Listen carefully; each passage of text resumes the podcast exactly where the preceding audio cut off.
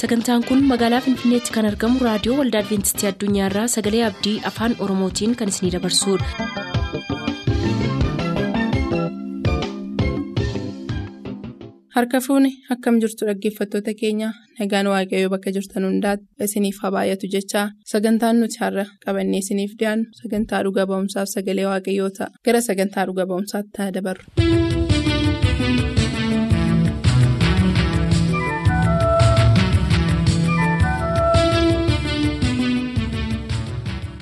Gooftaatti kan jaallatamtan dhaggeeffattoota sagalee abdii sagantaa dhuga ba'umsaa jalatti isiniif dhiyeessuu jalqabnee kan turre dhuga ba'umsi obbo abdiisaa kutaa ja'affaansaa akka ittaanutti itti fufaa nu waliin tura.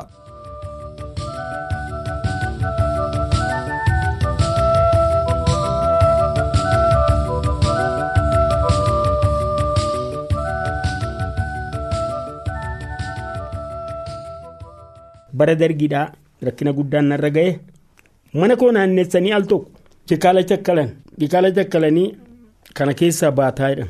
Warri manaa koo qonnaa keessa akka hin baanee buna kee keessatti akka hin baanee mu jedhanii ani manan dhokadhee ta'a na ajjeesu hidhee sodaadhe. Yoonaa amma gaatii lafatti fincaan fincooftu hin qabdu warra kootiin liqaman bariin. Maalii fi barii kan isaaniiti?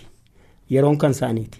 Waaqayyoo jara kana narraa furuursuu dadhabdee jennaan tokkichumaan narraa furuurse hin irraa figginfaman.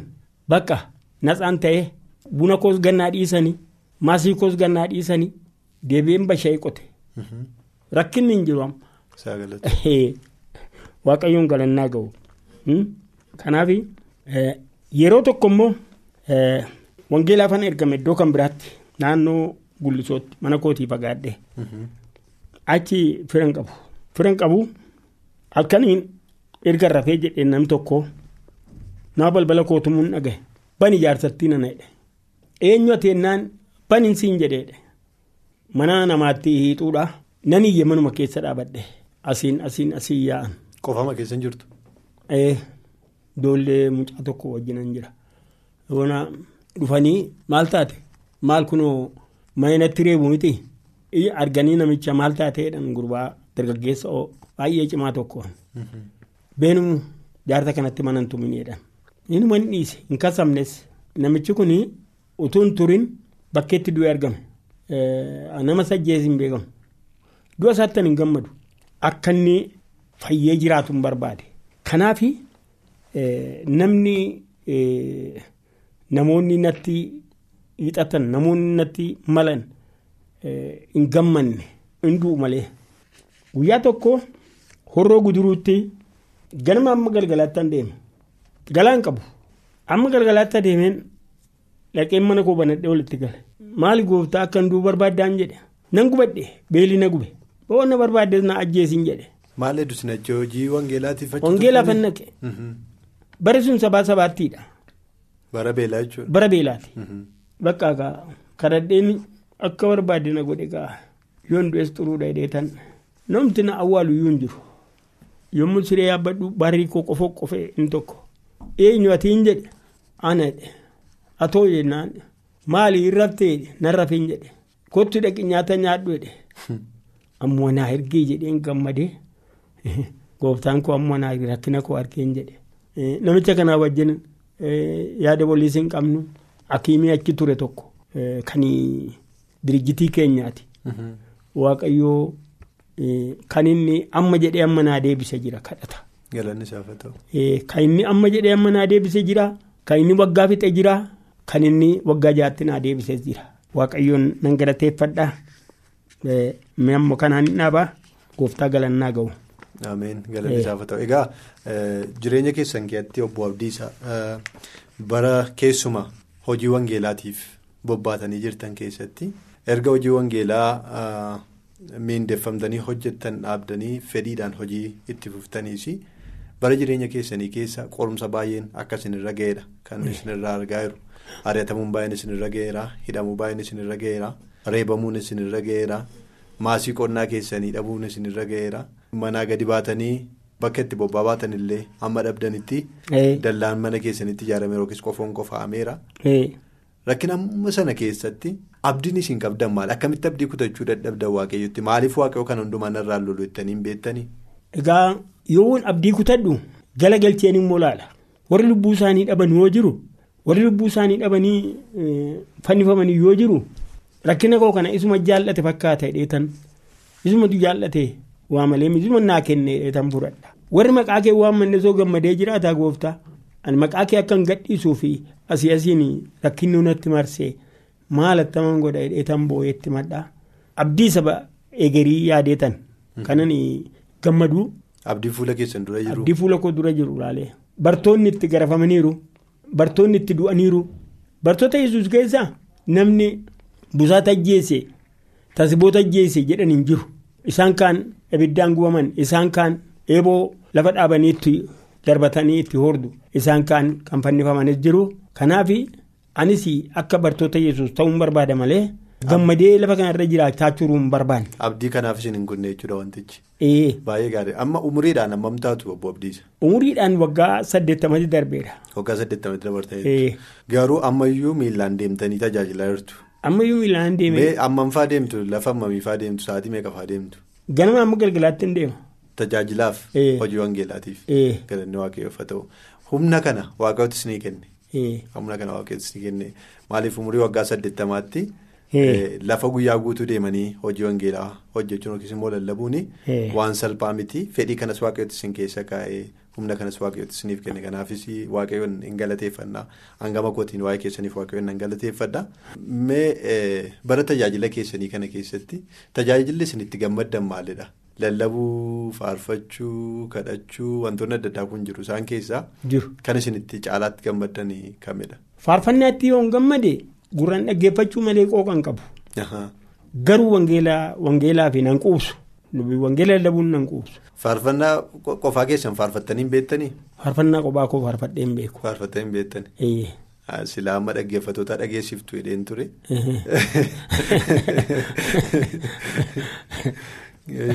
Faarfannaa jaallattan hoo qabdu faarfannaa akka dhaggeeffattoota biraanis ni geenyu barbaadan kan istuudiyootii qabnu kan beektan qabdu kan jaallattan. Faarfannaan sagaleetti beeku hin qabu. Hiikootii kanan faarfadhu hin qabu. Asitirraa kan beektan qabdu. Faarfannaan koo karaan gara waaqaatti geessu kan jedhu. Karaa gara waaqaatti geessu hunduu abdiifadhaan. Sigaaruu iddoon kee jira yaa wallaalaa namaa. Lubbuun kan jaanjatu iddoon kee ammallee jira ammayyuu si eegaa bobaa yesus kiristoos jala achitti iddoon gaarii siif qopheeffameera achi jiru kumaatamuun qulqulluu kan ta'a. Waaqayyo akka tolasaatti iddoo gaarii tokko siifis kaa'ee jira. Egaa nama cubbama gara dhugaa kottu iddoo keessaa naan eeggadhu namni bira dhufee akka hin fuudhanne. Yaa waaqayyo baay'ee saakoo singalateeffadha waan iddoona qopheessite waaqaas waan naabante nagaas waan naalatte kanaat na kennitu nagaan afaan namootaati dandaa'een dubbatamu. Galata waaqayyoo galchee lubbuu koo. Ameen faarfannaa baay'ee gaarii egaa waggaa saddeettamarra teessanii sagaleen keessan erga akkas bareeda ta'eeti yeroo dargaggummaa keessanii sagalee baay'ee gaarii qabdu turtanii jechuudha. Ofuma koo kan qabu naan jechaa ooltan irraa kan hafe. Kaasitii faayuu baafachuu dandeessu turtanii baay'ee gaariidha waaqayyoo isin eebbisuuf faarfannaa kanatti dhaggeeffattoonnis akka isaan gammadan nan abdadha. Dhaggeeffattootaa. mee har'aaf asuma irratti dhaabnee isaa hafe bulfannaa amma torbeetti nagaatti.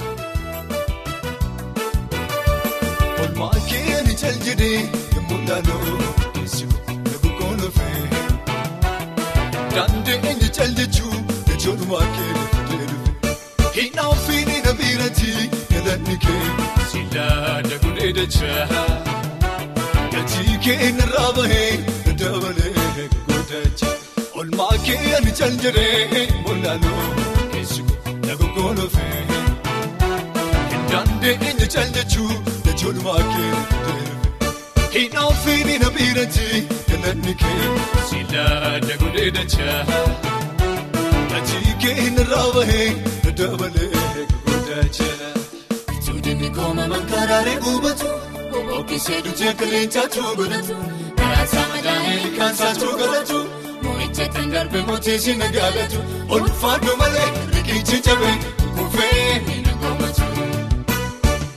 Tuudinni kooma mankaaraalee gubatu Ookisee dutee akka leencaatu godhatu Karaa saamadaa ilkaan saatu godhatu Moo'icha tan darbe mootii na gaalatu Olfaadhu malee riqichi cabee kufee na goomatu.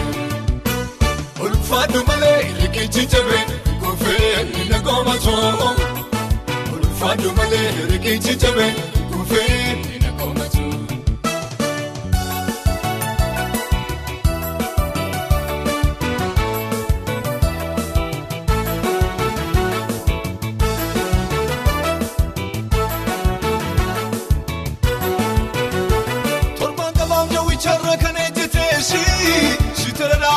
Dhaabateesi sibsafuu. Keessa garaa kootiitti mallatteeffame olmaan keessi faarsee nama galuu diide hin kuufuu. Torbaan qabaam jawwicharra kan ejjeteesi sitara dhaabateesi sibsafuu. Keessa garaa kootiitti mallatteeffame olmaan keessi faarsee nama galuu diide hin kuufuu.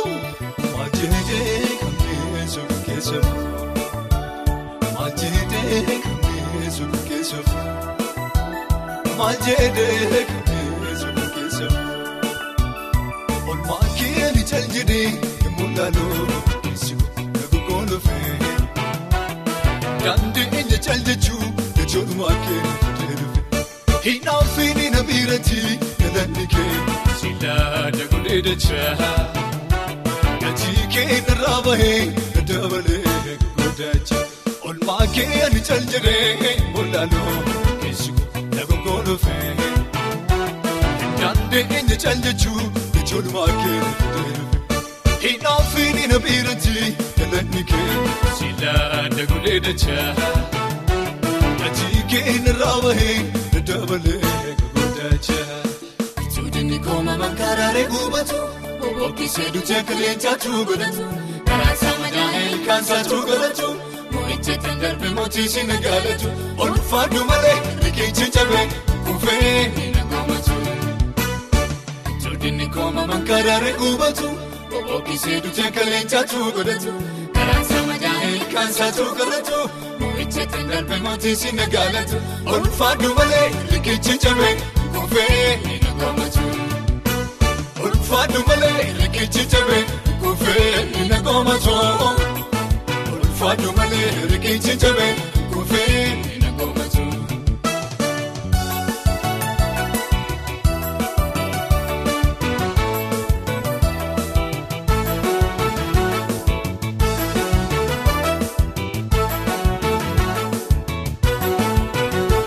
Akka qarooja keetti na kunuunsi taanaani abdiin ati kutattee beektu na buuftee.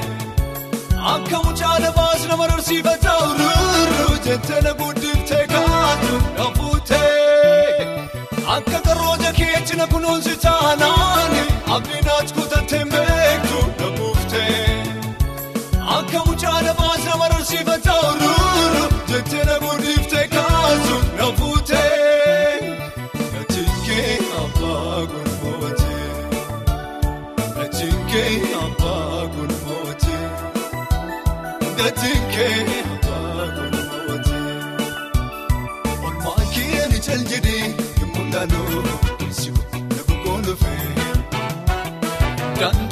Cal jechuun ijoollummaa keenya dhufe. Hinna ofiin na biirati galanni kee silaa dagulee dachaa. Gatii keenyarraa bahee dabalee gurguddacha. Olmaa kee ani cal jedhee mul'anoo keessi na goggoolofee. Daandii cal jechuun gatii olmaa kee Hidhaan feenii na biirati galanni kee silaa dagudee dachaa. Gatii keenyarraa bahee dabalee gurguddacha. Suudini kooma mankaraalee gubatu. Okkisee dutee qilleensaatu godhatu. Kaansaa madaa'ee kaansaatu godhatu. Moo'icha kan darbe mootii si nagaalatu. Olfaadhu malee riqichi jabee kuufee ni nagaamatu. Suudini kooma mankaraalee gubatu. Okkisee dutee qilleensaatu godhatu. Kaansaa madaa'ee kaansaatu godhatu. Moo'icha kan darbe mootii si nagaalatu. Olfaadhu malee riqichi jabee kuufee ni nagaamatu. Ulfaadhu malee riqichi jabee kuufee ni nagaamatu. Ulfaadhu malee riqichi jabee kuufee turtanii raadiyoo keessan kan banattan kun raadiyoo adventistii addunyaa sagalee abdiiti kanatti aansuun hojjetaa wangeelaa geetaachoo biraasaa sagalee waaqayyoo qabatanii dhiyaatu nu hordofa.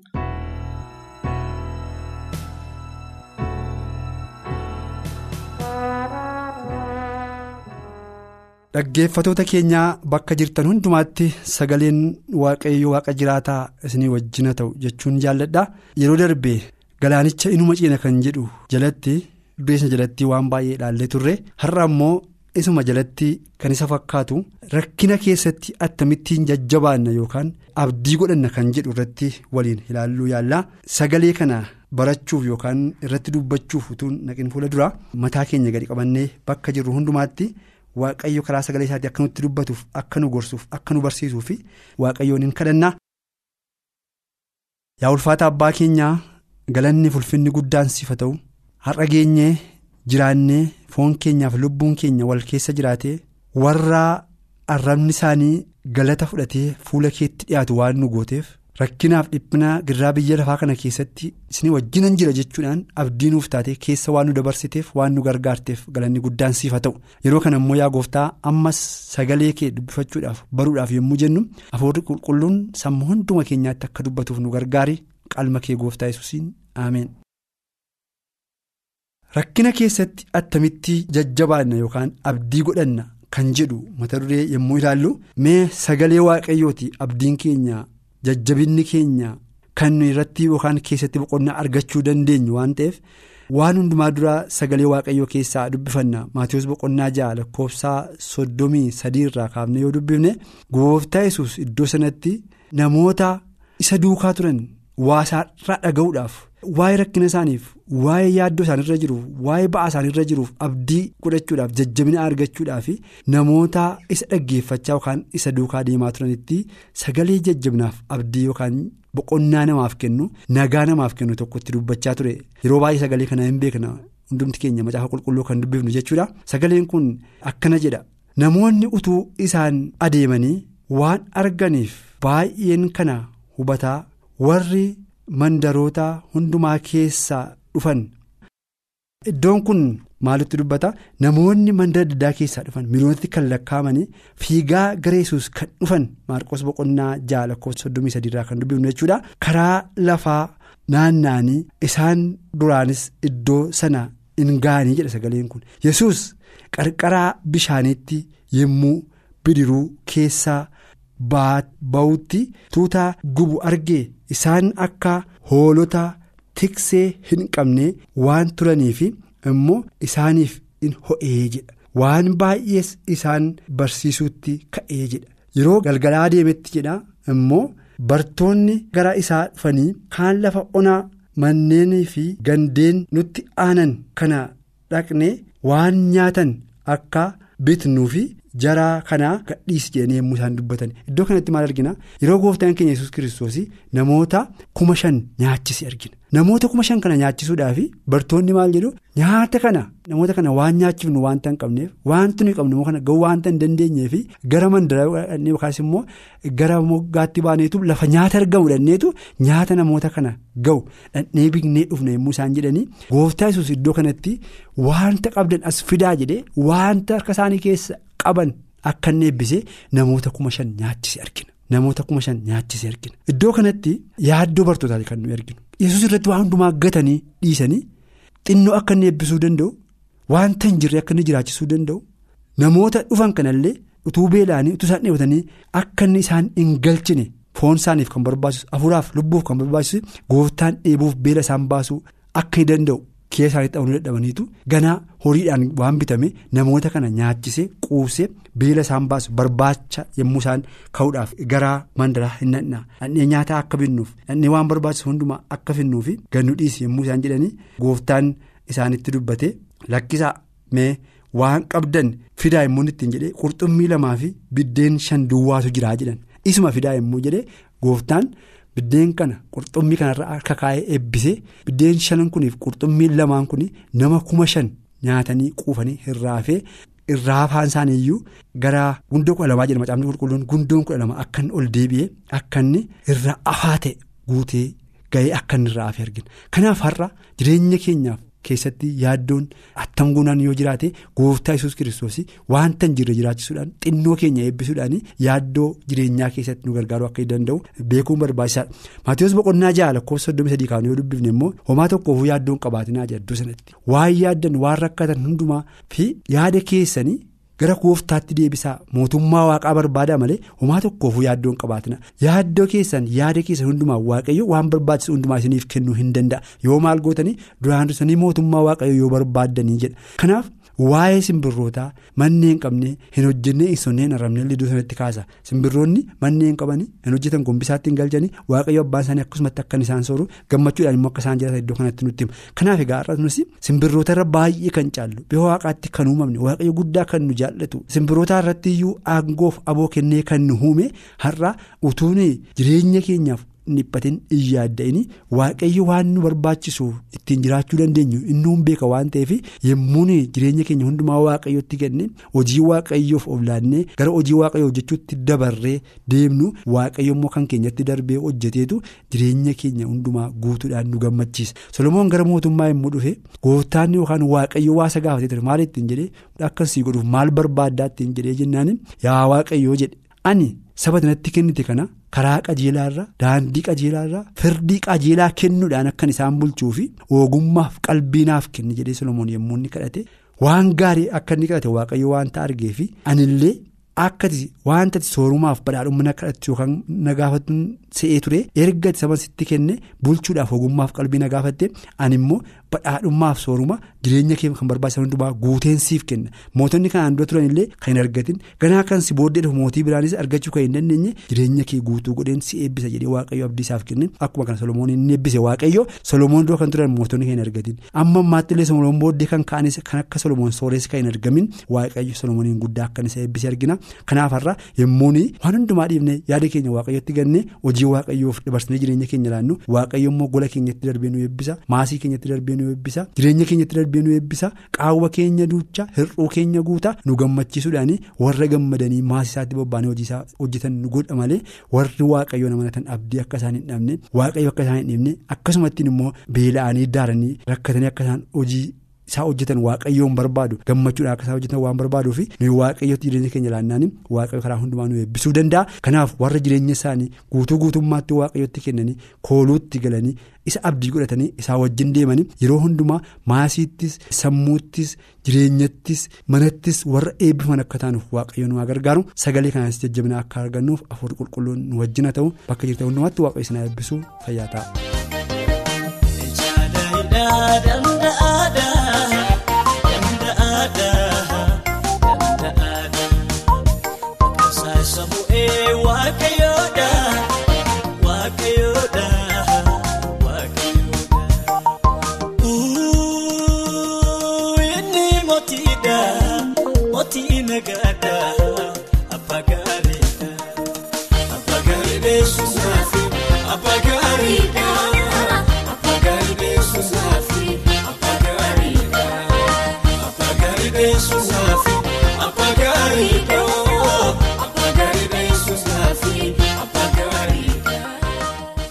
Sagantaa keenyatti akka gammaddan abdachaa har'aaf kan jenne xumurreerra. Bor sagantaa faarfannaa qabannee isiniif dhiyaanna beellama keessaan nu waliin godhadhaa jechaa qopheessitoonni sagalee abdii waliin ta'uun nagaatti isiniin jenna. Nuuf bilbiluu kan barbaaddan lakkoofsa bilbila keenyaa duwwaa 11 551 1199 duwwaa 11 551 1199 nuuf barreessuu kan barbaadaniif ammoo lakkoofsa saanduqa poostaa 45 finfinnee. Lakkoofsa saanduqa poostaa 45 finfinnee.